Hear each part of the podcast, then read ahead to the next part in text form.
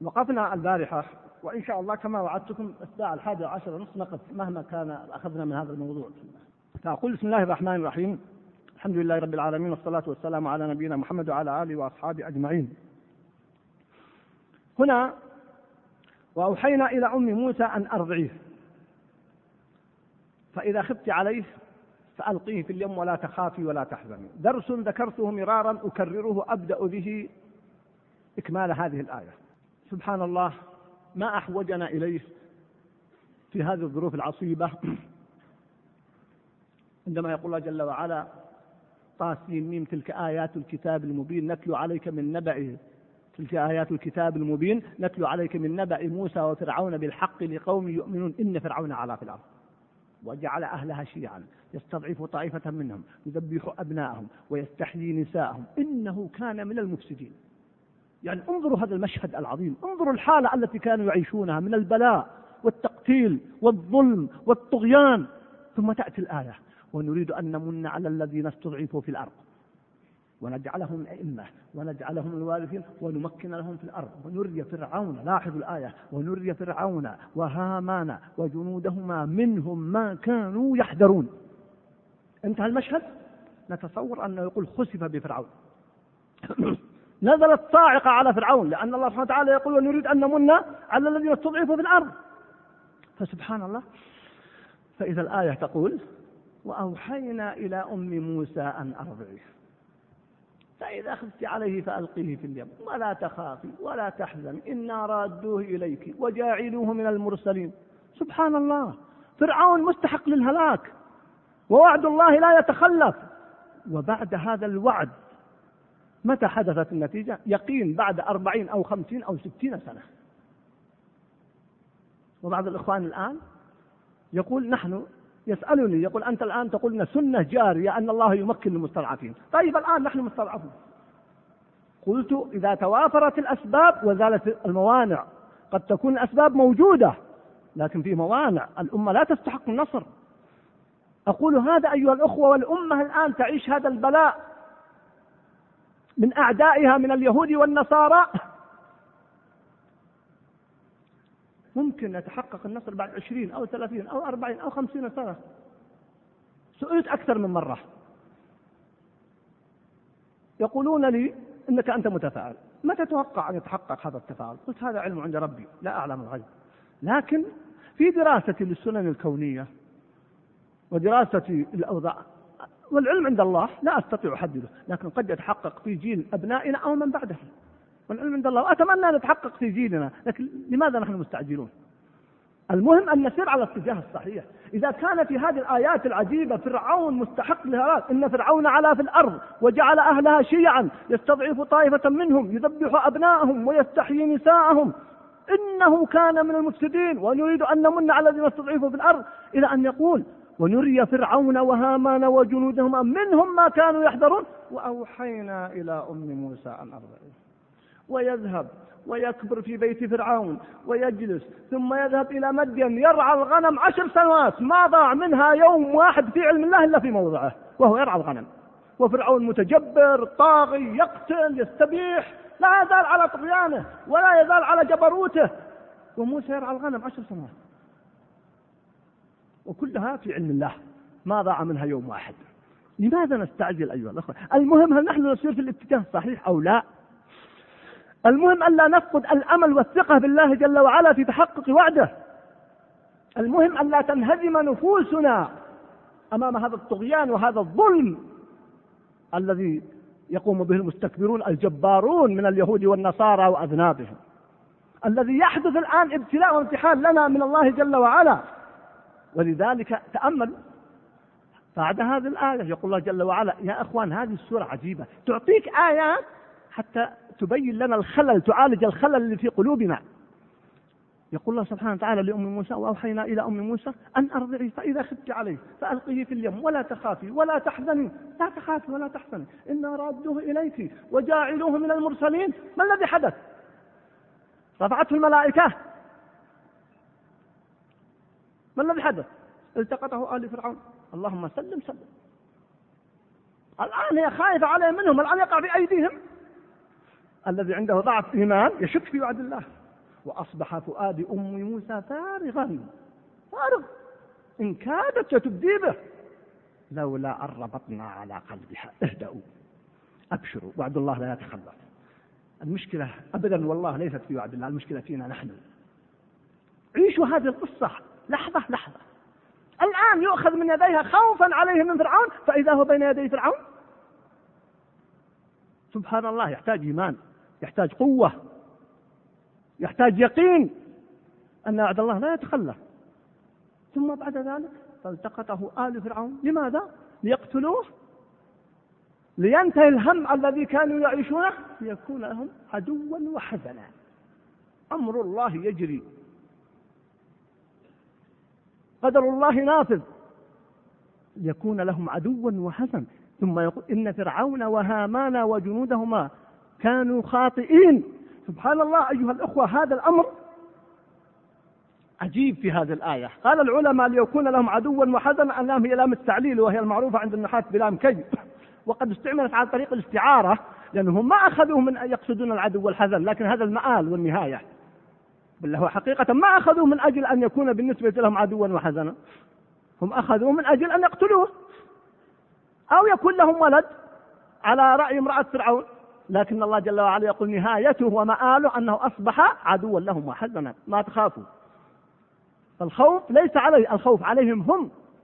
ثم يقول الله جل وعلا العدو هي عداوة الدين والدنيا كما صحيح.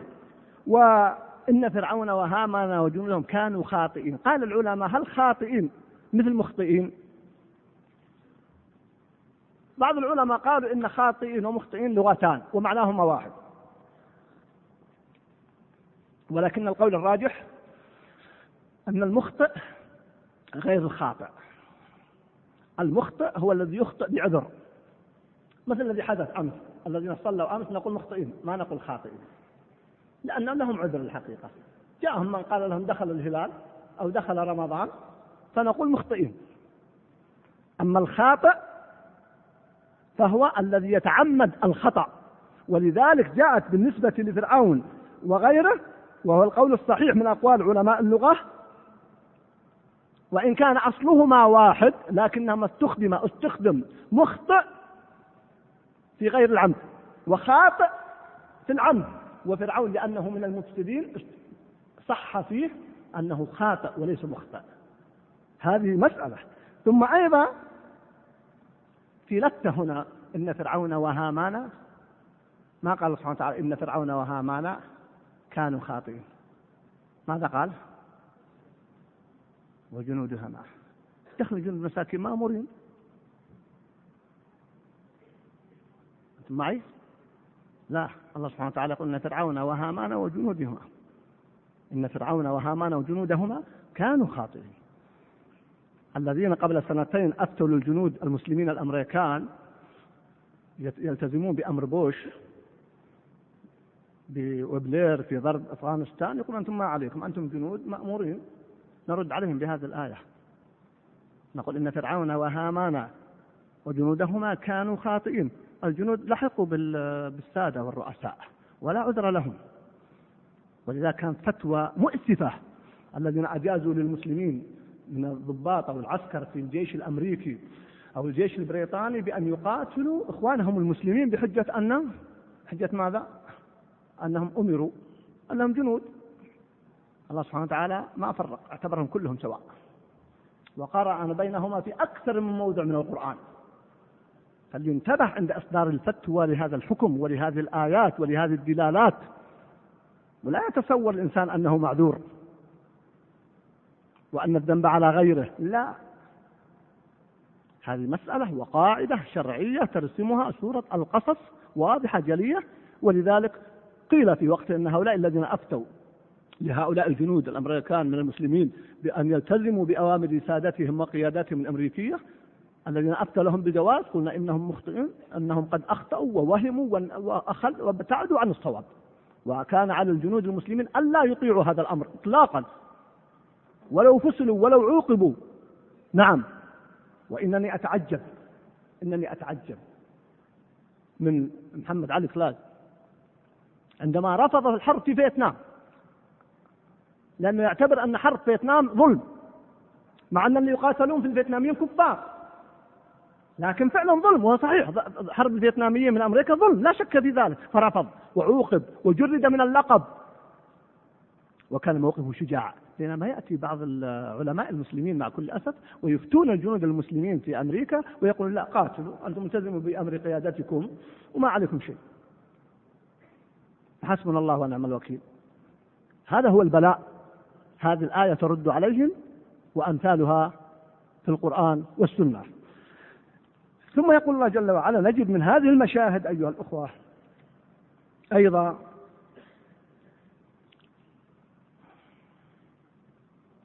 لما نتتبع هذه الآيات التي من أول السورة إلى الآن التنقل وتحقق وعد الله جل وعلا. فالتقطه آل فرعون ليكون لهم عدوا وحزن. إن فرعون وهامان وجنودهما كانوا خاطئين وقالت امرأة فرعون قرة عين لي ولك لا تقتلوه. من الذي هيأ امرأة فرعون لأن تحبه؟ من هو؟ هو الله. من الذي وهبها هذا الأسلوب الجميل من أجل أن تقنع فرعون ويتقبل وهو الطاغية الظالم الغاش؟ يتقبل ولا يهبه لها. هذا حقيقة وقفة تحتاج تأمل. يا أخي الكريم عليك أن تعمل تأخذ بالأسباب ودع الباقي الذي ليس لك ليس لك. لا تشغل نفسك كيف يتحقق النصر. أقول هذا لأنني رأيت بعض الأحبة وهم الآن يناقشون الأوضاع العالمية الآن يقولون كيف كيف نتفاعل أمريكا الآن دولة عظيمة دولة قوية بريطانيا الغرب الأمم المتحدة. من الذي يتفاءل؟ سبحان الله سبحان الله. يا أخي مهما كانت عظيمة مهما كانت قوية ماذا تكون أمام عظمة الله جل وعلا؟ ماذا تكون أمام قدرة الله جل وعلا؟ ما ماذا تكون وتقف أمام بأس الله جل وعلا؟ لا تشغل نفسك يا أخي كيف يتحقق النصر. لا تشغل نفسك كيف يسقط العدو. لما جاء فرعون ولحق قوم موسى وقال أصحاب موسى إنا لمدركون البحر من أمامهم وفرعون من خلفهم. بالنظرة المادية السريعة صح.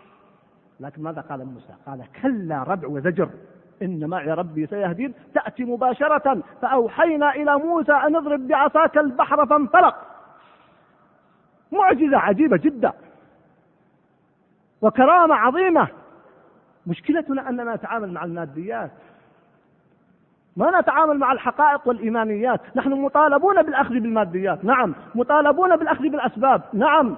حتى موسى لما قال أصحاب موسى إنا لمدركون ما قال الله جل وعلا فأمرنا البحر فانفلق. قال فأوحينا إلى موسى أن اضرب بعصاك البحر فانفلق.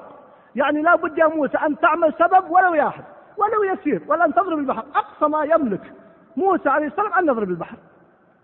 لا بد أن تعمل سبب. نحن مطالبون الآن بالأخذ بالأسباب.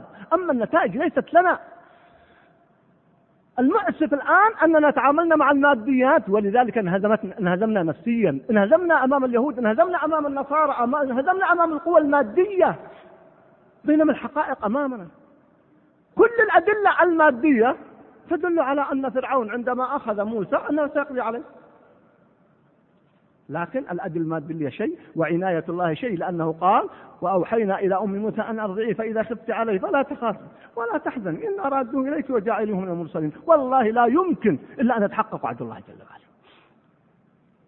ولذلك لما عمر رضي الله عنه قال النبي صلى الله عليه وسلم عن ابن صياد وتعلمون الحديث الصحيح فيه قال يا رسول الله دعني أضرب عنقه. لماذا عمر يضرب عنقه؟ رضي الله عنه. لماذا يريد أن يضرب عنقه؟ لأنه على أنه الدجال. قال له النبي صلى الله عليه وسلم كلام. تأمله. قال يا عمر إن يكن هو إن يكن هو يعني إن يكن أن تريد تضرب يا عمر لأنه الدجال. قال نعم. قال إن يكن هو فلن تسلط عليه.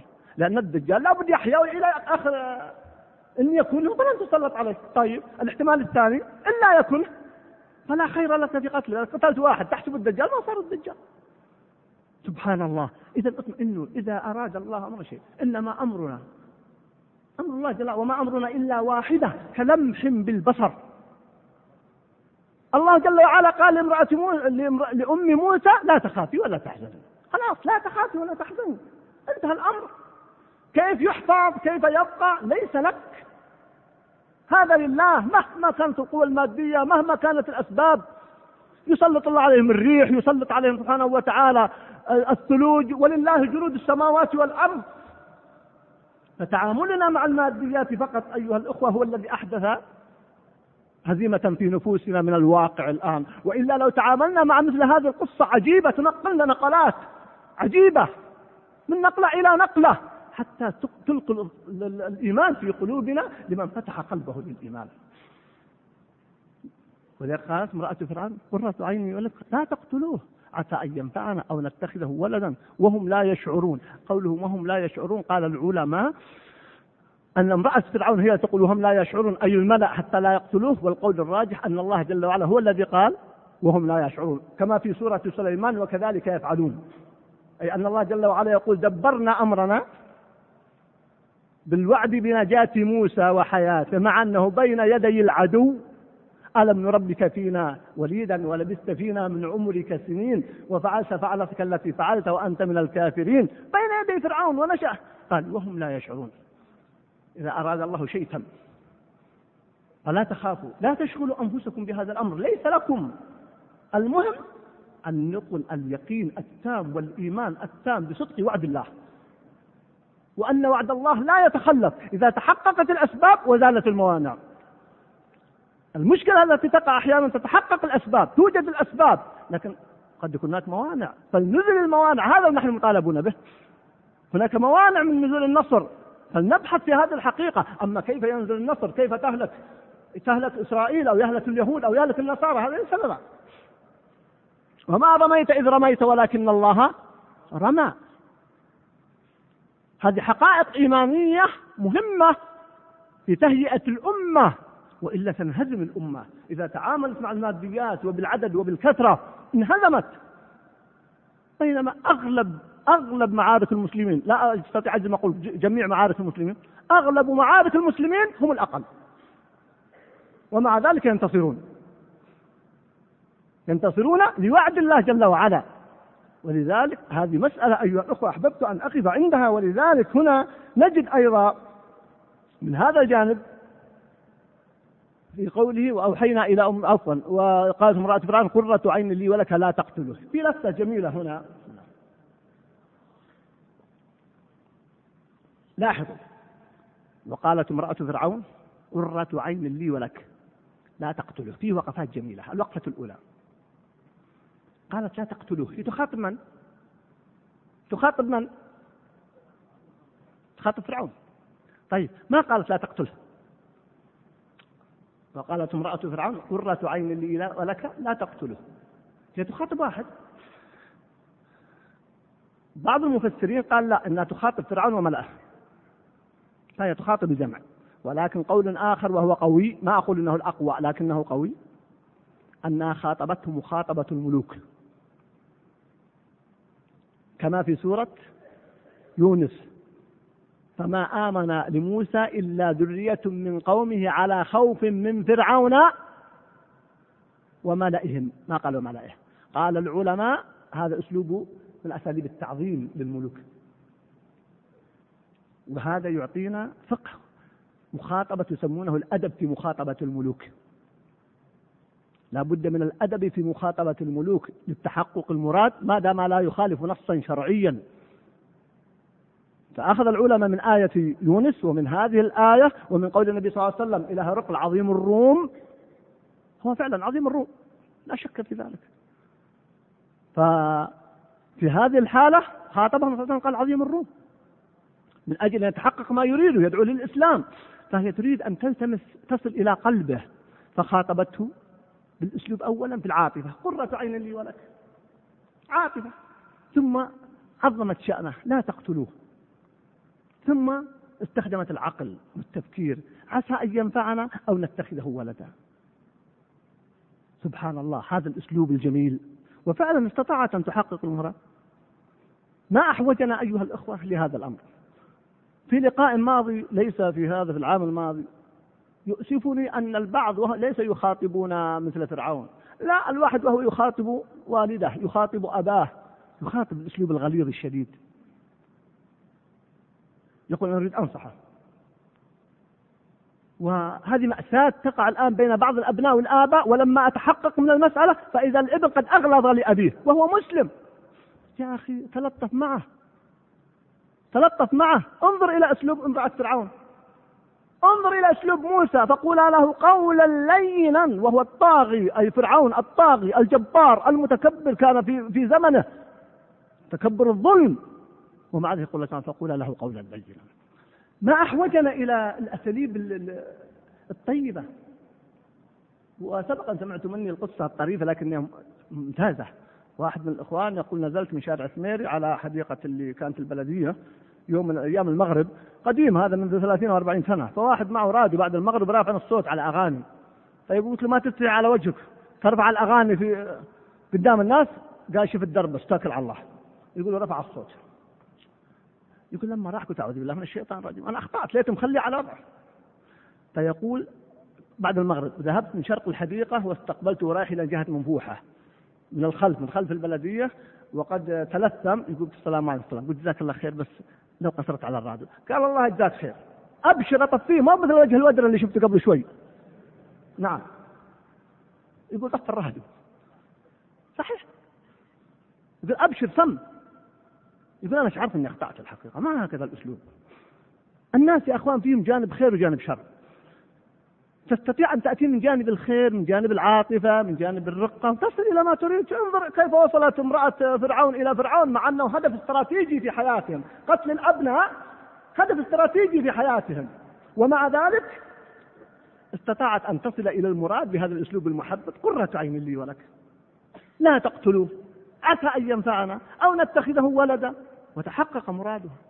وعاش في بيت فرعون معزما معززا مكرما. بل أعجب من هذا فما سيأتي أنه ذهب إلى أمه ترضعه وتأخذ الأجرة على إرضاعه. لأن لو ما أخذت الأجرة كان مشكلة. ليش ما تأخذ الأجرة؟ هي ما تريد تكشف أنها هي أمه. الله أكبر. ترضع ابنها إن راده إليك وتأخذ الأجرة من بيت فرعون. يا أحبة الكرام الكون لله والملك له سبحانه وتعالى والشأن له. العيب فينا وفي إيماننا وفي ضعفنا وإلا فجر سنة الله جارية وقدره نافذ وأمره واقع. الوقوف مع هذه الآية تزيدنا إيمانا وتقوى تعطينا أساليب في التعامل مع البشر تعطينا أساليب في التعامل مع النفس البشرية حتى مع نفسك. نفسك يا أخي الكريم وخاصة هذه الأيام المباركة تحتاج رفق. تحتاج رفق. إياك أن تكرهها على الطاعات إكراه لا. بالنسبة للواجبات خذها بالعزم. أما بالنسبة للطاعات لا تكرهها. سايسها. عدها بالوعود الطيبة. وهي نفسك. ولذلك يؤثر عن علي رضي الله عنه قال إن النفوس لها إقبال وإدبار فإذا أقبلت فخذها بالعزيمة والطاعات. إذا أدبرت اقصرها على الواجبات. حتى لا تمل أو تكره الطاعة بعض الناس الآن يكره بعض الطاعات بسبب النفسي بعض الأبناء بعض الآباء يكره ابنه على أمر ليس واجب فقد يكره هذا الأمر. فأقول إن هذا الأسلوب يعطينا أسلوب بالتعامل مع مع مع أنفسنا ومع أولادنا بل مع أعدائنا إذا احتاج هذا المقام. لأن فرعون الذي قال الله جل وعلا لموسى فقلنا له قولا لينا. قال له موسى في نهاية المطاف وإني لأظنك يا فرعون متبورا هذا لين ولا غشاشن هذا لين؟ لا والله ما هو لين. طيب هل خالف موسى أمر الله؟ لا. لما استنفذ جميع الوسائل. ودعاه وقال له قولا لينا وحاوره ودعاه حتى قال فرعون وإني لأظنك يا موسى مسحورا. أعطاه موسى درسا يعلن النهاية وإني لأظنك لما قال وإني لأظنك يا موسى مسحورا قال موسى لقد علمت ما أنزل هؤلاء إلا رب السماوات والأرض بصائر وإني لأظنك يا فرعون مثبورا فأراد أن يستفزهم من الأرض فأغرقناه ومن معه جميعا. انتهى الأمر. جاء أمر الله. يا أيها النبي جاهد الكفار والمنافقين واغلظ عليهم ومأواهم جهنم وبئس المصير. لكن كل كلمة في موضعها. كل موقف في موضعه. الحكمة هو فعل ما ينبغي كما ينبغي في الوقت الذي ينبغي. وعدتكم ألا أتعدى الوقت المحدد. فأمامنا أيها الأخوة دروس عظيمة في هذه السورة العظيمة في هذا الواقع الذي تعيشه الأمة. ما أحوجنا إلى الرجوع إلى القرآن وبخاصة هذه الأيام؟ أن نتدبر القرآن. ليست العبرة كم تختم يا أخي الكريم؟ لا. ليست العبرة كم تخطب العبرة كيف تقرأ وكيف تفهم. أن تقرأ وأنت تتدبر. وأنت تفهم وأنت تعرف ما تريد وأبشر بالخير. في هذا الشهر الكريم أيها الأحبة أختم كما بدأت. ألحوا على الله جل وعلا بالدعاء لأنفسكم ولأهلكم ولإخوانكم بالصلاح والتوفيق والعمل والصيام والقيام وأن يقبل منا الصيام والقيام والعمل. وألحوا على الله بالدعاء لإخوانكم في مشارق الأرض ومغاربها. ادعوا لإخوانكم المجاهدين ادعوا لإخوانكم المستضعفين ادعوا لإخوانكم في كوبا والمأسورين في مشارق الأرض ومغاربها. بلاد المسلمين الآن مليئة بالأسرى ليس فقط في بلاد الكفار. ادعوا الله أن يفرج هذه الكربات. أسأل الله جل وعلا أن يبارك في هذه اللقاءات وأن يعيننا على صيام رمضان وقيامه وعمل الطاعات فيه عمل الطاعات فيه وأن يتقبله منا جل وعلا. اللهم أعز الإسلام والمسلمين وأذل الشرك والمشركين ودمر أعداءك أعداء الدين وانصر عبادك المجاهدين. اللهم أبرم لهذه الأمة أمر رشد يعز فيها أهل الطاعة ويذل فيها المعصية ويؤمر فيه بالمعروف وينهى فيه عن المنكر. اللهم ول على الأمة خيارهم واكفها شر أشرارهم. اللهم تقبل منا ومن جميع المسلمين. اللهم وفق وفقنا للعمل الصالح. أقول قولي هذا وأستغفر الله لي ولكم وصلى الله وسلم على نبينا محمد. والسلام عليكم ورحمة الله وبركاته.